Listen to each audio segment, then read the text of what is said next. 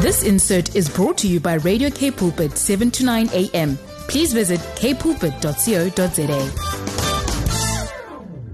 This is normally my super, super time. Not that any of the others isn't, but I love animals, and this is just my small contribution to all the wonderful champions out there that's really making a difference. And today I introduce you to the Animal Rescue Organization. And uh, Lindy uh, Corter, or Conter, sorry, my apology. You are on the line talking about this, and you are uh, all in charge of the marketing. Thank you so much for your time. How are you, and welcome here at Radio K Pulpit. I'm very well, thank you, Gilma. So happy to be with you. Well, I'm super, super um, excited. This is an organization that I've been watching for quite a while. It's Animal Rescue Organization, or um, ARO. Um, they're mm-hmm. registered NPO and a public benefit organization, and you have been established in 1986. What That's a right. long story you have to tell. My world, take us in and, and bring us up to date as to your organization, what your purpose is, and where you all kicked off. Yeah, so in 1986, um, it was started um, under a different name um, volunteer animal rescue. So it was started by a group of volunteers who were just really passionate about helping the animals in impoverished communities. You know, they would start with sort of tick and flea baths and that sort of thing, just going out and assisting people and educating them on how to care for their animals. Um, and what, um, 37 years later, that really is still our our um, message and our our mission is to relieve the pain and suffering of animals in uh, low income areas. So that's really what, what our focus is. You know, we're an animal hospital. We are different to other animal organizations where we are not a shelter. We do deal with animals that are surrendered sometimes and find strays, and we work with partners to rehome them. But that's not our primary goal. Our primary goal is to really educate pet owners and assist them with affordable veterinary care.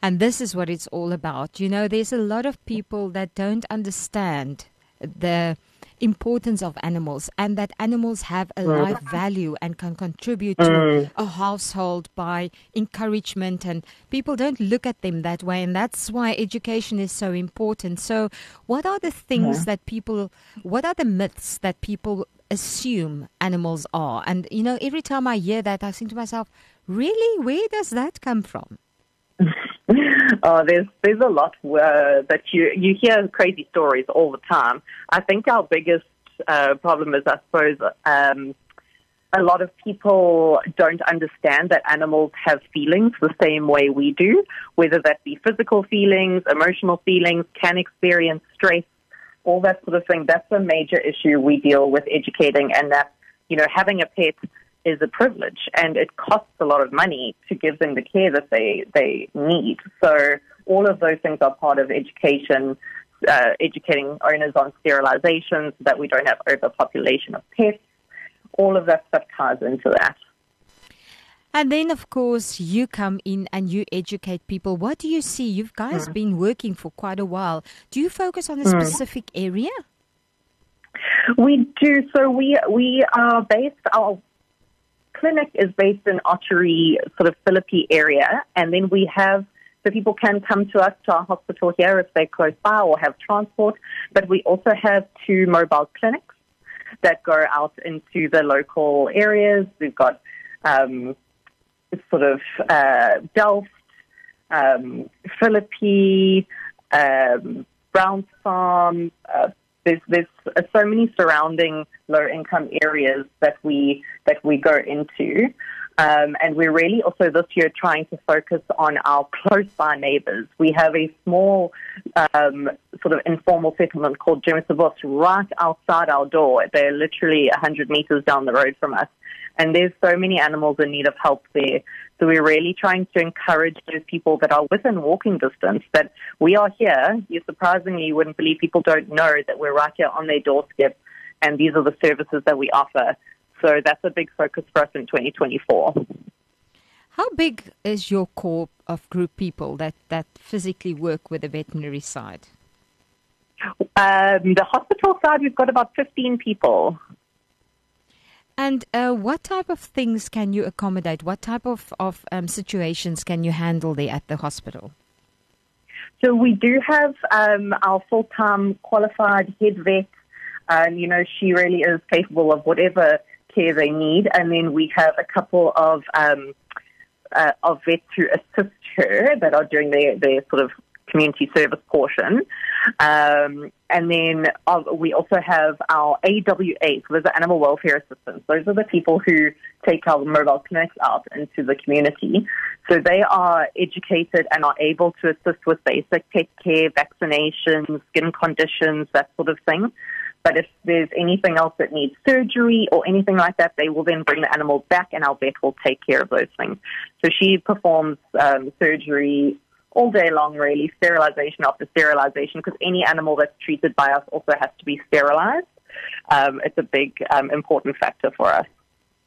And talking about sterilization and all of that, during the periods of time that you have been in existence and uh, functioning and focusing on education and sterilization, mm-hmm. can you see changes taking place in the community? Um, you know, we can see positive changes with the people that we work with. There is a lot, um, especially with the youth. You know, that's that's the nice thing is often it's the children bringing their animals to the mobile clinics because their parents are working, and we see some uh, nice impact with the kids really caring for the animals and actually teaching their parents about it. Having said that, unfortunately, there is just such an overwhelming amount of overpopulation of animals that there are just too many um, to sort of take care of and uh, get all the treatment that they need or even find them. You know, they don't get to us because they don't have anyone caring for them. So it, it is a, it's a, it's quite a mountain. Um, and that's why, like we said, um, sterilization is so important because it's really the only thing we can do to try and bring down that massive overpopulation to try and make sure that all animals are receiving the care that they need. What are the things that we want to leave with the people today? Because we really want to make 2024 different. You know, one keep on going and going, and we had so many challenges. We had COVID, we had everything. People lost their jobs. There's still a high percentage of mm. homelessness. But we want to leave mm. people on a positive note, and we want to really change people's hearts. So we yeah. also want people to connect with you. How do they do that? Yeah. So I think it's important for people to remember that there's so many ways to help. You know, if you are financially able, of course, donations are fantastic. A donation of 550 Rand sterilizes an animal, gives them a vaccination, deworms, all of that. But if that's not where you're at, that's fine. There are other ways you can help. Such a huge fundraiser for us, um, where we bring in a large portion of our money, is by selling secondhand goods. So if people want to clear out their house, you know, something as simple as an old book you've you've read once and you're not going to read again, your coffee mug you don't use anymore, your you know um, clothes, um, decor. Maybe you you're getting new bedroom lamps. You know, the instead of just throwing stuff out or giving it away, you can give it to Animal Rescue. We do even have a collection service where we can come and fetch it from you for free. Um, and reselling that makes a huge difference um, we'd really like to see people as well get sort of get get their little community. You know, if you work within your own community, you can really make an impact. So if you work at an office, ask everyone in the office to bring in their old, you know, the community newspapers that go around. Bring in community newspapers because newspaper, believe it or not, is something we need all the time. We line our, our kennels with it. So there's just so many avenues people can support us that you know, no matter who you are, you can find a way to get involved and really help. Mm. And that is also what we want people to to buy into. Uh, we want mm. people to really think of the small things that's yeah. not important to them that could save, yeah. like the newspapers, for example. If there's yeah. no newspapers, you can't you can't keep the the shelters clean and tidy. It's part of the hygiene. So exactly, it's very important. Yeah. So it might not seem like a big deal to you, but it really is to us. Yes. How can people contact yeah. you?